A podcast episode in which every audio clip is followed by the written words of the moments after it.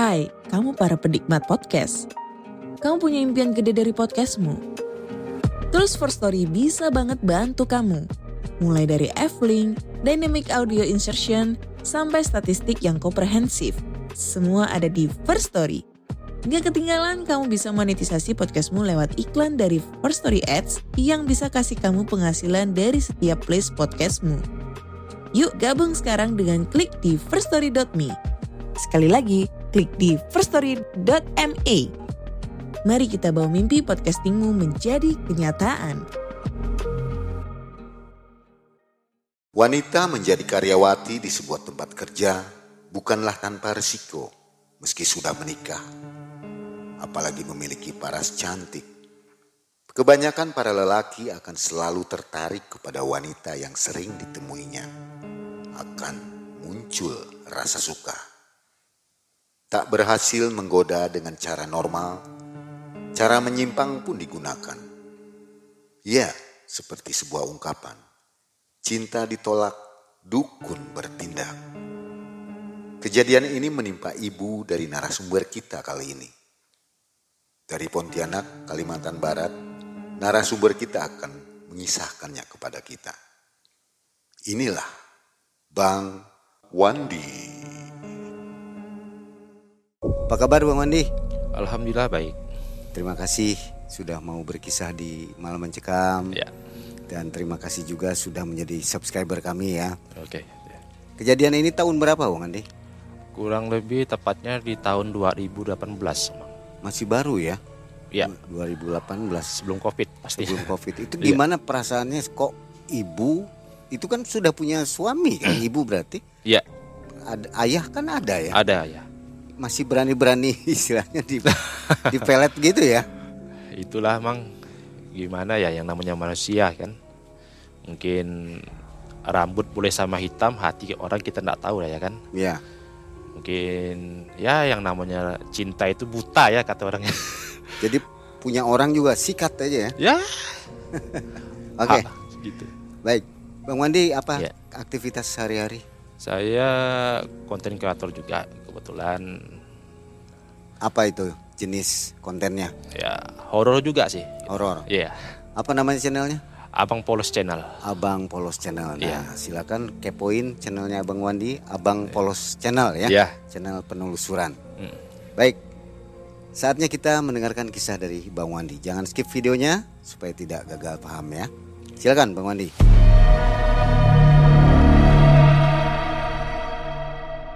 Gini mang ceritanya, Eh, kurang lebih di awal tahun 2018 kemarin itu kan sebelum covid, mama saya itu ya kan kebetulan beliau itu bekerja di perusahaan di kabupaten salah satu kabupaten di Kalimantan Barat ya. gitu kan. Mama saya itu kan bekerja sebagai koki kalau di perusahaan, ya kan. Beberapa bulan di sana itu rupanya mama saya itu sakit. Ya kan? Awal mula itu sakit ya sakit kalau diperiksa di medis di sana itu kalau puskesmas dia menderita sakit lambung. Jadi gejalanya itu sakit lambung itu dia asal dia makan muntah. Minum muntah. Makan minum muntah apa pun yang dimakan masuk ke mulut itu muntah ya kan? Jadi karena di sana itu peralatan medisnya terbatas jadi dirujuk ke Pontianak. Nah, di Pontianak dibawa di salah satu rumah sakit negeri juga gitu kan di Kabupaten Kuburaya. Nah, beliau dibawa sudah dalam keadaan tidak sadarkan diri sih, tepatnya dari perusahaan itu kan udah sakit keras. Bawa sampai di Pontianak sekitar jam 7 jam 8 pagi sampai itu langsung ya, masuk ke UGD sakitnya itu ya itu tadi kalau dari itu lambungnya katanya. Lambungnya itu ada luka. Kalau diperiksa medis itu luka katanya. Ada goresan di lambung. Jadi yang menyebabkan itu sakit emahnya akut. Jadi setelah masuk ke rumah sakit tuh kan diperiksa sama dokter ternyata lambungnya itu kan cacat luka. Dirawat. Itu selama kurang lebih satu minggu lebih di rumah sakit. Mama itu. Nah, setelah masuk rumah sakit satu minggu lebih, eh, dokter bilang itu menyatakan sudah boleh dibawa pulang. Atau rawat jalan ya kalau biasa kita bilang kan rawat jalan pulang pulangnya itu malam jam setengah tujuh jam tujuan malam lah gitu kan. Lalu pulangnya itu tidak langsung ke rumah saya gitu enggak. Langsung ke rumah bibi gitu kan enggak jauh dari rumah sakit tadi.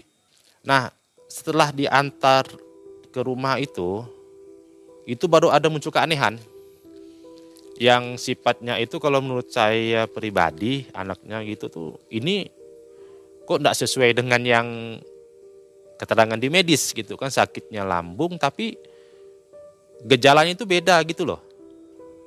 Enggak kayak di rumah sakit gitu kan. Rumah sakit kan sakit lambung apa segala macam gitu kan mengeluhkan sakit perut kan.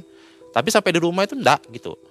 Tepatnya itu sekitar sampai di rumah bibik saya jam tujuan gitu atau setengah delapan jam 9 ke atas lah. Itu sudah ada reaksi yang aneh kalau menurut saya. Aneh itu kenapa? Mimik muka mama saya itu kayak ini apa nih? ekspresi itu kayak kerasukan gitu loh. Tapi saya kan masih berpikir positif kan pada saat itu yang ini mungkin karena efek dari sakit ya kan. Efek-efek efek dari sakit. Jadi mungkin efeknya tuh mungkin ke halusinasi beliau ya kan. Dan ternyata makin malam itu makin aneh gitu. Jadi gejalanya itu kan mama saya itu kan istirahat tidur tahu tuh mata itu melotot Nah, kalau bahasa Pontianaknya bilang tuh terjelar gitu kan. Sudah jelar gitu kata orang kan. Jadi tangannya itu tuh seperti ini loh. Kayak mencengkram harimau, tangan harimau kan seperti ini. Nah, itu dari suaranya beliau itu kayak menggeram-geram gitu loh. Nah, kayak harimau menggeram kalau mau menerkam mangsa atau menerkam apa itu kan kayak seperti itu kan. Ah itu dari situ saya sudah sebagai anak itu udah ini ini bukan medis lagi gitu kan bukan bukan medis lagi ini ini ini ini, udah pasti lahnya ke spiritual itu tetap di atas jam 9 paling sering jam di atas jam 9 malam itu ketika kalau orang sudah pada istirahat tidur dan semakin malam itu kan semakin semakin ekspres itu semakin ekstrim ya kan semakin ekstrim paling yang vitalnya itu kalau udah jam 11 malam. Ah, itu sudah udah full. Itu bukan bukan mama saya lagi tuh. Karena saya lihat uh, mimik wajahnya itu udah berubah, bukan bukan wajahnya seorang wanita ya. Sudah berubah total. Kayak ini ini ini sos kayak perpaduan antara wajah laki-laki dengan wajah cewek gitu loh. Jadi jadinya itu nggak tahu tuh semer berautan gitu kan. Nggak jelas lah gitu kan. Jadi mata hitam itu kecil agak-agak mengecil. Hawanya itu sudah mistis sekali pada saat itu. Di rumah itu udah full. Dari depan dari depan pintu masuk sampai ke belakang tuh hawa tuh udah lain. Jadi saya berinisiatif ya kan memanggil ulama juga bisa bilang ulama pak haji lah kalau bahasa bilang itu untuk mencoba ngobatin mama saya itu kan jadi kalau udah muncul gitu diobati ya kan ya dengan metode-metode baca-baca ayat doa segala macam ya kan itu berhasil, berhasil gitu kan ya ada perubahan reda. Mama saya tuh jadi ekspresinya tuh jadi tenang gitu. Tapi setelah pulang setelah praktisinya tuh pulang langsung ini bereaksi lagi dan itu di atas jam 12 sekitar jam setengah satu jam satuan ah itu mendekati subuh Nah itu kembali lagi uh, reaksi itu sama gitu, mengaum, ngeram juga dan bicara. Nah dia tuh bicara, tapi bicara itu parau. Kalau kalau parau itu bahasa Pontianak itu kayak gimana ya? Bahasanya itu kayak suara laki-laki gitu loh. Ah contoh gini, kayak gitu kan. Aku di mana gitu. Ah, aku di mana gitu. Jadi suaranya ini bukan bukan suara cewek nih. Ini udah udah udah suara cowok nih kan. Lalu saya sebagai anak yang di samping beliau kaget. Saya tanya kan, saya tanya dengan mama saya itu kan. Mama ini kenapa saya bilang itu. Lalu ekspresi jawaban dari mama saya ini bilang gini dengan saya, dengan suara-suara yang parah-parah tadi ya dia bilang, kamu tidak saya ikut campur. Ah, saya tahu kamu, saya tahu kemampuan kamu saya ingin bawa mamamu ikut saya. Jadi saya bingung gini, bingung, bingungnya gini. Ini bawa bawa ke mana? Gitu saya bilang gitu kan. Kalau bahasa Pontianak gini, mau bawa ke mana mak aku nih? Gitu. Kau ini siapa? Nah gitu. Bahasa Pontianak ya. Kau ini siapa? Saya bilang gitu. Jadi rupanya yang bicara ini bukan bukan lagi mama saya gitu, bukan. Udah udah jin. Ini ini ini jin. Saya sudah tahu. Ketika saya rasa pun di belakang pundak mama saya pun sudah ada kayak energi-energi yang sifatnya itu kayak kelistrikan gitu loh, kayak ada sengatan listrik gitu loh, tapi kecil, kecil kayak baterai lah gitu. Ah ini bukan ini ini bukan lagi mama saya nih, saya bilang gitu kan. Saya tanya lagi, kamu dari mana? Saya bilang gitu kan. Jawaban dia tuh ya tadi bilang, kamu tidak boleh tahu. Saya mau bawa mamamu pulang, ikut saya. Oh saya bilang tidak bisa, tidak bisa. Kau jin, saya bilang, kau jin kafir. Nah, ketika saya bilang jin kafir, tidak nggak terima dia tuh jin itu nggak nggak nggak terima nggak kayak mau mau memberontak tapi nggak bisa gitu kan ya saya spontan kan ketika mama saya itu mau mungkin kalau bahasa kita tuh mau menerkam gitu saya agak mundur kan kaget kan tapi dia nggak bisa mungkin karena energinya mungkin nggak nggak cukup lah ya untuk menyerang gitu kan. Jadi baring lagi cuman dia ekspresi itu marah gitu dengan saya. Nah itu saya kada berinisiatif ini udah nggak bisa lagi nih. Udah. Saya bacakan ayat ya kan terus ustadz yang tadi Pak Kiai itu saya panggil lagi malam itu juga. Dengan orang yang sama ya dengan orang yang sama, sama mang gitu kan. Dan beliau juga kaget kok balik lagi gitu kan nah mati saya ngomong ya mungkin bacanya kurang mantep. Saya bilang gitu kan. Wah anda hatam ngaji nih ustadz. Itu gitu kan. Dibacain lagi tuh sama Pak Ustadz. Ya kan baca bla bla bla mantap mantap macam dikasih air. Air segelas sama air di dalam botol aqua. Nah, itu dibacain tuh sama beliau. Bacain, dipinumin. Nah, terus dipinumin, kata beliaunya, tolong usapin air yang udah dibaca ke mukanya mama. Ya kan? Saya ya saya lakukan kan, saya lakukan. Dan ternyata langsung ada reaksi, langsung mama saya itu langsung kayak mudah pingsan gitu loh. Langsung ah, aman gitu kan. Nah, berarti emang betul, ya kan? Ya udah, sampai jam 2 lewat lah. Udah, udah, udah masuk subuh sih sebenarnya kan. Ada yang ada yang sama pertama itu, ada yang, ada yang sama pertama. Hari pertama sembuh, ya kan. Besoknya enggak lagi balik nih, Mang. Hari pertama aman, enggak balik lagi cuman medis, ya kan. Hari kedua malamnya juga aman, ya kan. Aman nih, aman. Dan anehnya itu langsung sehat. Nah, langsung sehat. Kayak bisa duduk gitu loh. Kayak enggak ada sakit apa-apa gitu. Ah, itu anehnya itu pikir saya ah, alhamdulillah ya kan mungkin pertolongan Allah ya katakan pertolongan Tuhan gitu kan syukurlah saya bilang udah bisa makan apa segala macam ya cuman masih ada saya medis ya kan jadi mama saya itu hari keempat ke kelima itu bawa lagi ke dokter ke rumah sakit untuk periksa ternyata masih ada luka ya kan tapi medis doang dikasih obat jadi bisa dibilang rawat jalan pada saat itu rawat jalan jadi mama saya itu kan tip, tipikalnya itu kan orangnya kan ini apa kalau udah masa sehat enak tuh mau aktivitas lagi, mau kerja lagi. Karena di perusahaan tempat mama saya kerja itu sebenarnya itu hanya ngasih cuti sakit. Ya kan? Jadi ketika sudah sehat, balik lagi.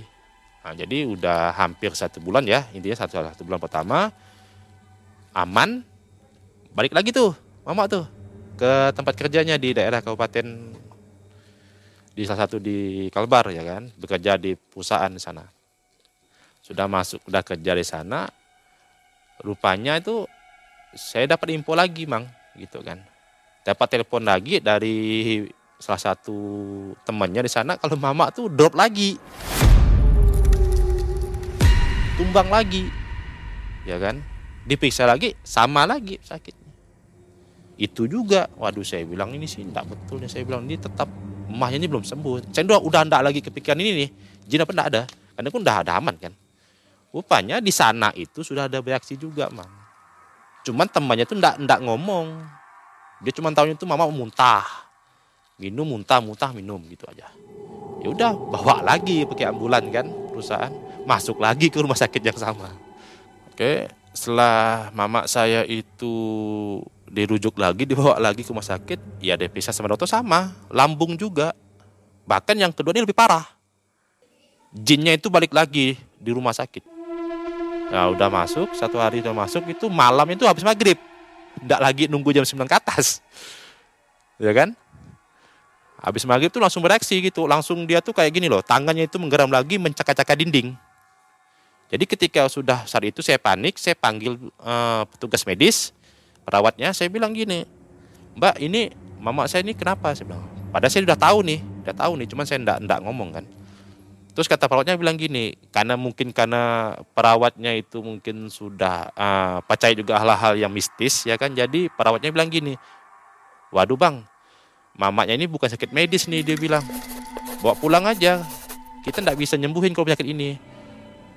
Iya mang, perawatnya ngomong sendiri bilang bilang dengan saya gitu, ini sakitnya mama ini bukan sakit medis dia bilang, tapi karena makhluk halus Padahal kalau kita tahu lah kan yang namanya perawat kan ada sumpahnya kan tidak boleh. Tapi ya karena perawatnya juga paham dunia-dunia seperti itu kan. Santet apa segala dia tahu juga kan. Makanya disuruh bawa pulang malam itu juga. Karena tidak ada obat untuk hal ini.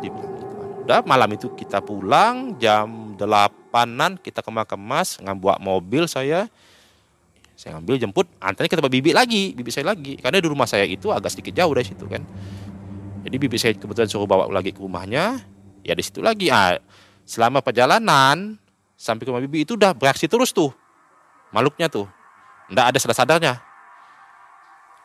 Pokoknya mau berdiri, mau melompat gitu loh di mobil gitu. Wah panik lah kan. Gimana? Horor di belakang mobil kan. Saya takutnya gini, ketika saya nyetir cekek kan. Gimana juga. Nyemplung ke sungai kapos ya habis cerita kan. Sampai rumah mama, eh, bibi itu ya gini loh waktu saya, saya mau mopong atau mau mapah mama itu, kakinya itu tidak jadi tanah loh bang.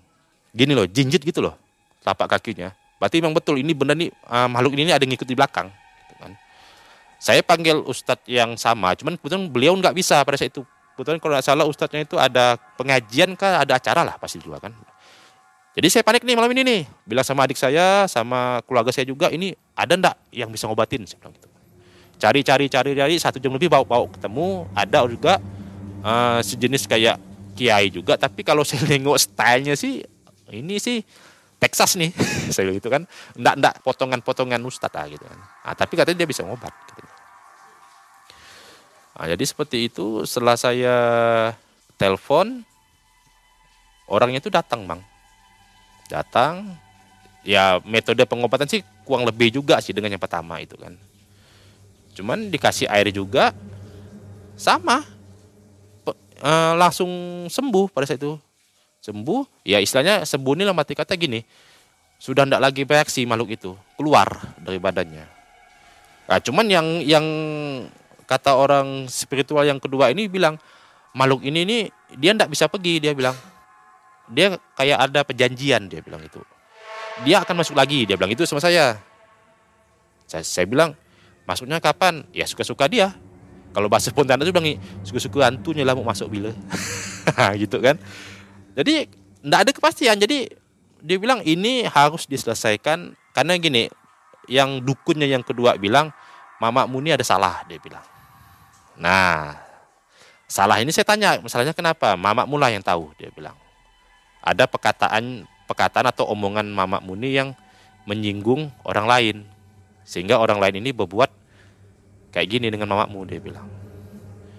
Jadi saya bilang aduh kalau masalah mulut ya buat urusannya saya bilang gitu kan. Jadi gimana nih pak? Saya bilang gitu kan. Ya harus diobat lah ndak bisa. Kalau enggak ini bisa fatal katanya bang. Udah khawatir aduh saya bilang bisa sembuh ndak ya nih? Saya bilang bisa sembuh dia bilang katanya. Awas diobat rutin dia bilang. Jadi dicoba lagi itu pada malam itu. Bagus. Keluar cuman dibentengi lah dibentengi ya. Mama saya itu dibentengi. Kata dibilang sih dipagar gaib lah ya kan. Ya betul malam itu udah udah dikeluarin itu makhluknya udah ndak lagi masuk. Sampai subuh kita ronda ya sampai subuh tuh aman ah kalau siang tuh ndak pernah reaksi apa apa kalau siang tuh pasti tidur bawaannya jarang tuh bangun tuh pokoknya kalau udah siang tuh pagi sampai jejak ke sore itu tidur tapi udah menjelang maghrib ya kan maghrib sampai ke ya tengah malam itu bangun sadar gitu Ah, besok malamnya itu bereaksi lagi. Panggil lagi orangnya itu lagi.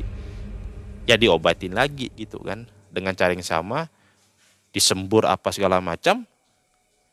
Hilang ya gitu lagi. Berarti kan memang betul dia bilang kan. Nanti ini balik lagi dia bilang.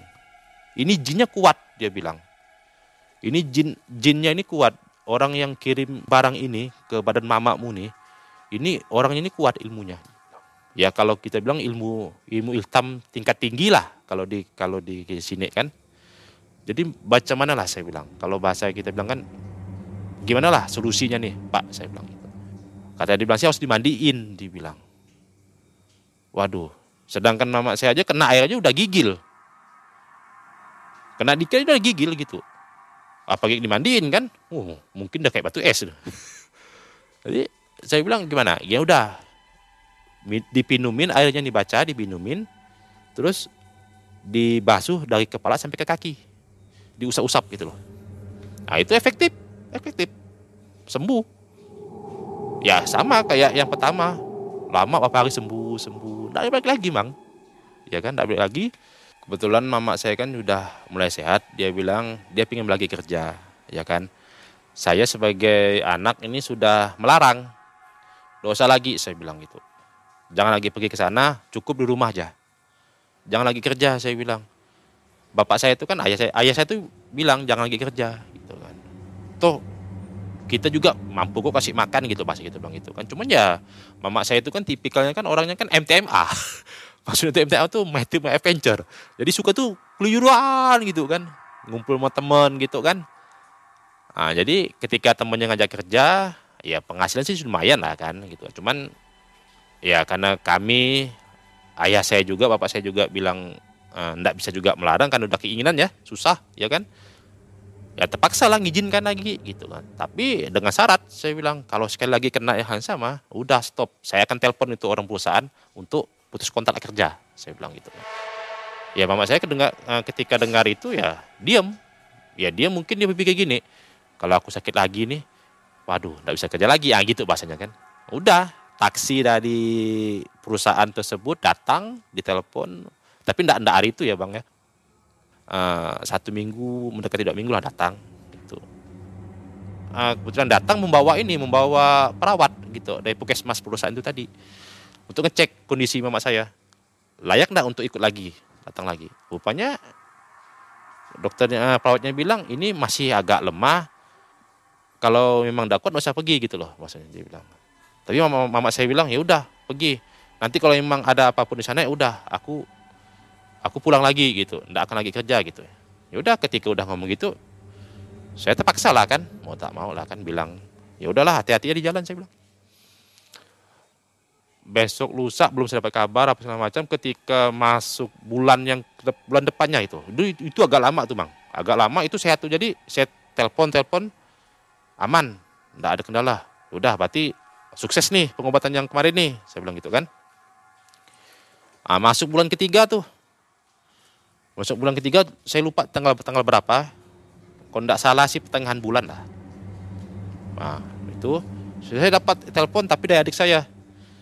Dia bilang, Bang Wandi, Mama sakit lagi. Ah, jadi saya udah kurang gregetnya kan jadi ya bawalah gitu. Enggak enggak lagi yang ekspresi kayak pertama yang kedua yang khawatir gitu kan. Enggak. Karena ya paling masukkan lagi saya bilang kan, kasukan lagi. Rupanya di sana tuh kasukan juga gitu. Kemudian ini yang lebih lebih parah nih, mang ditambah lagi nih kata kata orang bilang tuh ditambah lagi jinnya nih. Nah, di sana udah mau tambah ronta tuh di kamar sana tuh. Jadi kata kawannya bilang dia ngomong sendiri, ya kan nyebut nama laki-laki cowok, cuman saya lupa nama siapa itu. Orang-orang tempatan sana lah pastinya ya kan. Menyebut Nah, itu dibawa pulang tapi bukan pakai ambulan pada saat itu, pakai taksi. Disewa langsung. Bawa pulang, prek. Nah, itu yang ketiga kali buat ya. Nah, yang ketiga ini, Mang, aduh.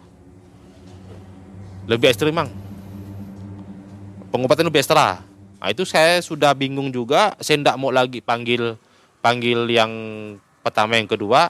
Udah, saya ingat dengan guru saya itu, guru spiritual saya itu seorang Habib juga ya, kan keturunan raja juga raja Pontianak itu kan saya bilang sama beliau malam itu malam jam sembilanan lah kurang lebih. Itu reaksi sudah tuh sudah udah ngamuk-ngamuk mama tuh. Saya telepon bib di mana? Saya bilang. Kebetulan beliau lagi ada di rumah gitu kan. Baru sampai ngobatin orang juga dia kan. Beliau tanya ada apa wan? Dia bilang gitu. Belum minta tolong enggak bib? Saya bilang gitu kan. Mama saya ini pulang dari kerja di luar kota sakit kemasukan. Ini yang sudah yang ketiga kalinya. Waduh dia bilang kan kenapa tidak ngomong dari awal? Gitu kan ya panjang beb ceritanya saya bilang itu saya jemput beliau. Saya jemput uh, kurang lebih setengah jam lebih. Sampai ke rumah beliau saya jemput. Ah di jam jalan itu saya tidak ada ngomong-ngomong nih paling ngomong singkat-singkat aja kan gitu kan. Sampai di rumah bibi saya lagi itu. Ah, Habib tuh udah udah tahu ketika beliau nginjakan kakinya masuk ke rumah bibi saya itu udah tahu. Wah ini Ban dia bilang. Ini ramai ini rumah nih dia bilang. Ramai apa bibip bukan manusia dia bilang. Ini rumah ini sudah dikepung. Kalau bahasa kita itu sudah dikelilingi gitu. Rupanya yang ngeliling ini makhluk gaib gitu kan. Tapi karena beliau bawaannya santai ya kan dia duduk. Dia cerita bahwa saya mama saya sih udah ini udah ngamuk-ngamuk gitu kan. Kayak mau pergi gitu mang. Ini nih udah bisa berdiri dia mang tapi bukan dia yang berdiri nih. Dia bilang aku mau pergi aku mau pergi dia bilang. Jangan halangi aku. Nama mama saya kan putra saya aku mau bawa. Ditanya sama adik saya itu adik saya udah udah di situ saya sampaikan. Mau bawa ke mana? Jangan ikut campur katanya. Tangan itu udah udah begini nih nih. Wah ini jin harimau saya bilang kan. Yang sama nih ya kan saya bilang gitu kan. Jadi adik saya bilang kalau kau mau bawa mamaku hadapi aku. Kau bukan tandinganku dia bilang. Wih ini jin jin jin soplak nih kalau adik saya bilang kalau kau berwujud manusia udah ku hajar katanya dia bilang. Ya karena jin kan apa ini? Jadi kata si Habib bilang itu dari jauh tuh udah, udah, udah dikasih omong sama sama guru, guru saya kan. Kau diam di situ katanya. Jadi dia dengar dia dengar. Tapi Habib tuh ngomongnya di hati. Saya pun tidak dengar kan rupanya dia noleh. Kau siapa? dia bilang eh saya bilang tiba-tiba ngadap ngadap ke kami ke ruang tamu gitu kan mama saya mama saya kan. Ditunjuk gini nih kau siapa? Udah tenang kata Habib saya bilang. Karena perawakan guru saya itu tenang orangnya jadi ndak ndak gopo-gopo ya kan. Diajak bicara jinnya itu. Awal-awal ngajak bicara tuh sok-sok jago lah ya. Nah, karena guru saya itu kan uh, metode pengobatan itu beda dengan yang lain. Dia menggunakan rokok. Nah, rokok magnum tuh. Nah, itu udah pasti tuh komando dia merokok nih. Rupanya beliau itu dari asap rokok itu tadi itu sudah ada bacaannya. Nah, transfer transfer energi itu dari rokok. Jadi asap itu sudah penuh ruangan. Nah itu tuh udah ada kalau kata orang bilang apa ya? Kodamnya beliau tuh tuh, tuh udah udah bereaksi di situ. Syarat itu rokok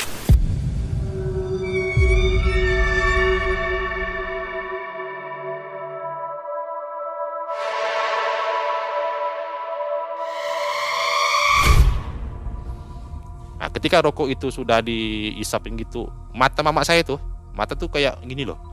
Kayak ada lihat sesuatu apa gitu kan, panik. Tidur.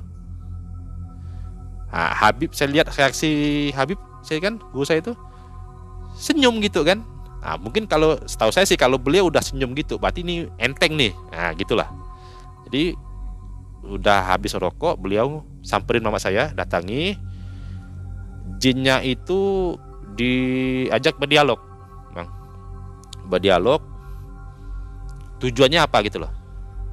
Masuk ke ke tubuh mama saya ini tujuannya apa? Kan? Jin itu awalnya ndak mau cerita. Dia bilang saya hanya ditugasi saya hanya ditugasi untuk membawa mama saya maksudnya jelas setelah dengar udah beberapa kali tanya baik-baik ndak mau. Ini bandel jinnya kan bingal. Langsung di agak dikasih nih sama si Habib. Kau mau keluar atau enggak kalau enggak mau keluar kau ku habisi ku bakar di nantangin nantangin. Kalau kau berani dia bilang gini bahasanya gini. Kalau kau berani lawan tunjukkan kekuatanmu. Ya udah pada saat itu Habib tuh langsung santai dia bilang. Diambilkannya apa nih? Kunyit ya kunyit. Apa itu? Terus ditempelin di antara celah uh, ibu jari dengan itu fit teriak tuh jin. Teriak gitu kan.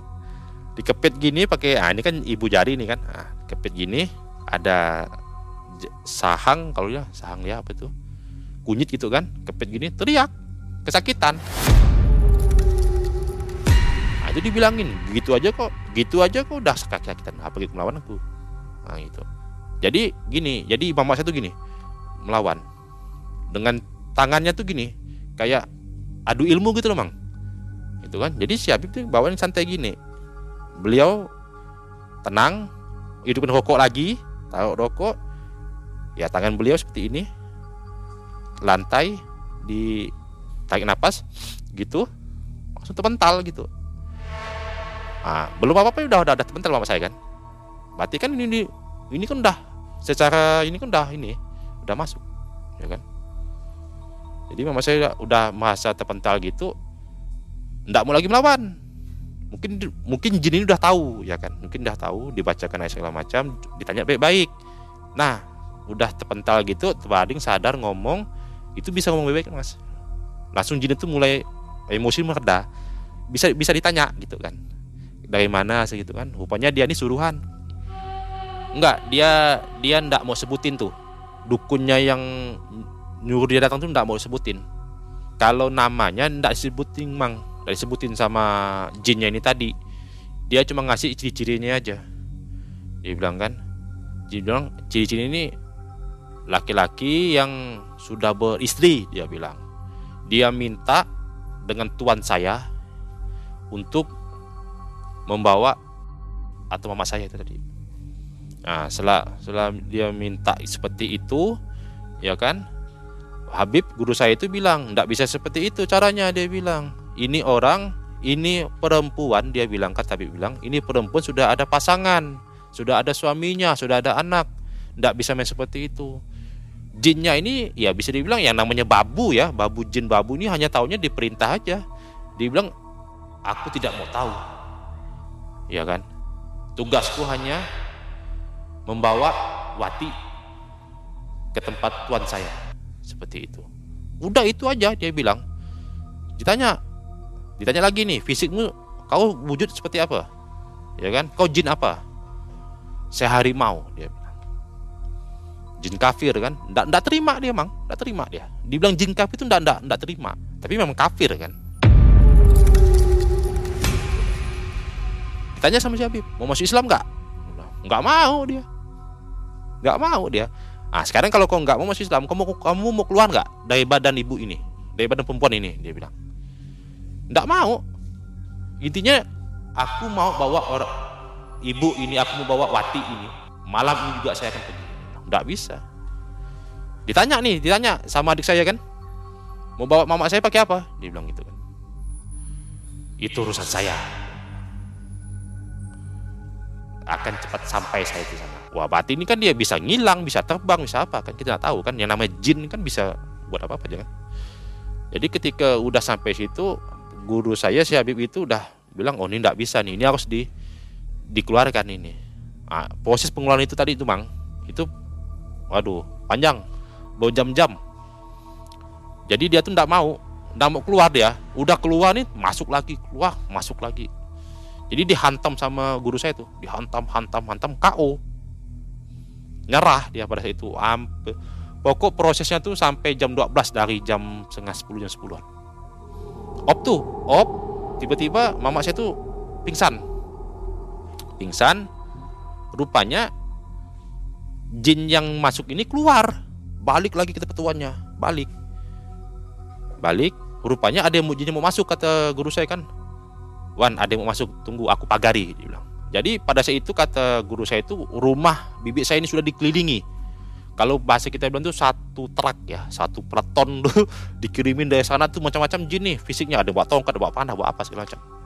Itu tuh udah keluar satu masuk satu gitu loh. Jadi dipagari sama si itu udah bisa masuk lagi. Alhamdulillah sih memang betul. Karena yang masuk lagi nanti nih yang berikutnya masuk nih jin yang sama karena yang dikasih akses tuh yang ini nih. Tugas ini cuma satu yang belakang ini cuma cuma ngikut um, backup aja gitu wah ya kan? Jadi udah dihalau sama si Habib dipagari segala macam. Start lagi tuh mulai itu jam setengah satu. Puk datang masuk lagi dia. Masuk lagi. Wow langsung megang lagi kan? Rupanya dia bawa bawa pesan dari tuannya dari dukun itu tadi. Jangan macam-macam dia bilang kalau madu ilmu dengan saya ayo dia bilang. Ditantangin tuh. Nah, karena masih ditantangin ini agak diri ya kali mungkin ya. Guru saya oke. Okay. fight kita dia bilang. Ya fight jam satu tuh start mulai. Jadi ketika mama saya itu udah dinetasi sama Habib udah dipagai dulu nih sebelum dia fight ini jin ini dinetralkan dulu bang. Udah udah masa kau dihentam lagi nih sama biong sampai KO udah ndak lagi bisa magun apa. Tanya kamu masuk Islam nggak? Kamu mau keluar atau enggak atau atau saya leburin atau hancurin gitu loh dibakar gitu. Bahasa kita itu dibakar jin. Jin kan, jin kan ada api. Matinya juga juga ada, ada api bang kan? Jadi dia ndak mau dia nyerah. Cuman dia ini loh kayak jin tuh dikasih imbalan saya kalau pulang tidak ada hasil saya dihukum. Kata jinnya itu tadi, tuannya itu menghukum dia. Karena dia takut, dia tidak berani nih. Dia dia dia tuh jinnya ini tidak jin harimau ini tidak tidak berani keluar. Asal dia pulang tidak ada hasil dia kena hukum. Tidak tahu bisa dihukum mati atau apa. Hukumnya alam dia lah kan. Jadi kata si Habib bilang, ya udah kalau nggak mau kau ku keluarin, ku bebasin, kau masih Islam. Rupanya dia ini mau nih, lama-lama dia caranya gimana? Aku ndak tahu cara masuk Islam dia bilang dengan suara-suara paro ya memang ya. Gitu kan. Udah masuk Islam diajari itu luar masyarakat itu. Udah udah diajak mau kan dua masyarakat seperti itu. Cuman namanya itu dikasih nama sama Habib tuh sama guru saya. Abdullah kalau ndak salah kalau ndak salah. Abdullah apa gitu kan. Jadi aku kasih nama dia bilang. Jadi dia merasa udah diislamkan jadi mualaf. Dia keluar dan itu dia minta sendiri mang. Tolong keluarkan saya. Tapi saya tidak mau lagi balik. Dia takut nih dia, dia ini takut. Asal dia balik dia takut. Dia takut. Tidak tahu di alam dia gimana kan. Udah kata si Habib bilang gini ya udah kau keluarin kau tenang. Kau sudah Islam. Ada pendampingku yang mendampingimu berarti Habib ini ada pendamping juga. Kodam lah pasti kita bilang kan. Nah itu yang membimbing jin atau jin lah ya. Seperti itu udah di, udah digerenahin gerenahin segala macam diberesin apa segala macam alhamdulillah ya langsung siuman itu mama saya. Tapi belum sadar. Sudah sudah normal gitu. Beliau jin tuh udah udah udah keluar mang. Udah keluar. Nah tinggal ini nih. Antar guru nih. Fightnya nih. Jam satu. Nah, dia bilang kata Habib bilang guru yang dukun ini nyerang. Karena si Habib ini sudah tahu yang di sana itu mau mau nyerang. Mau nyerang memang dia bilang. Tapi lihat timingnya dulu. Rupanya dia bekerja di sana itu berproses penyerang itu jam satuan malam kurang lebih. Jadi fight tuh selama berapa jam tuh? Hampir jam 3 subuh mang. Nah itu jadi antar ilmu ya. Saya sekali itu saya lihat tuh Habib itu kayak mode temu mundur gitu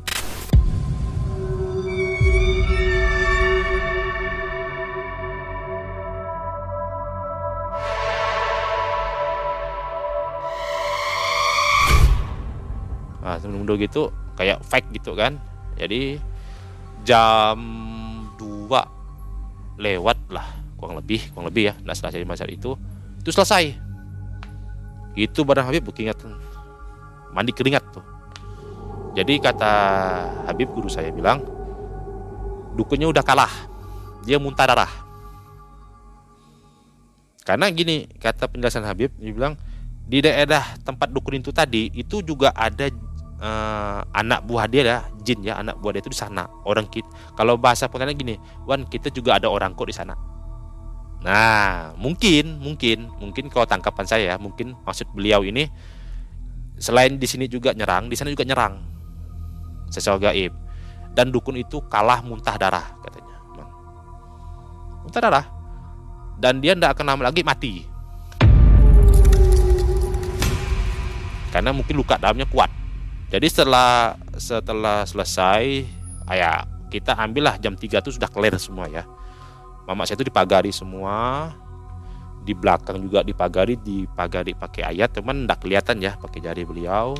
Ah raja, raja lah.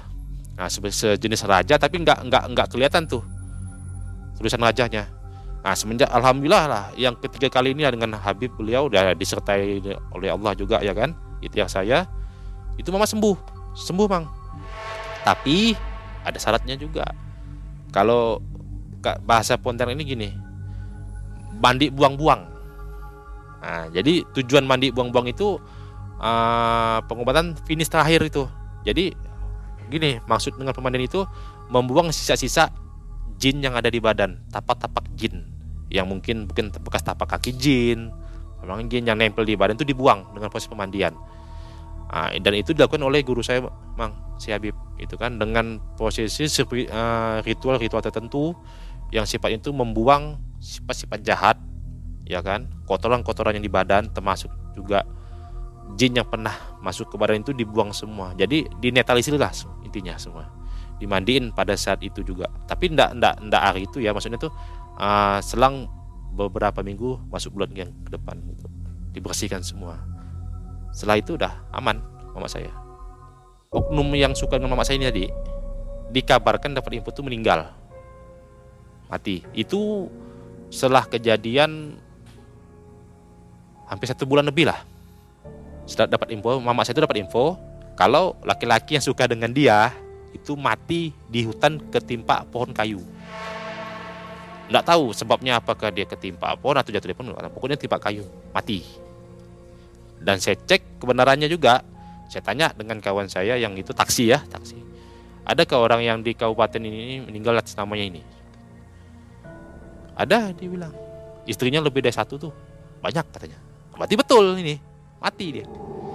Nah, itu tadi dukun yang itu pun juga mati bang katanya. Katanya seperti itu yang ngirimin barang itu mati juga mungkin karena luka dalam parah ya itu intinya tuh kalau memang ilmu putih itu tidak akan bisa lah dilawan oleh ilmu hitam.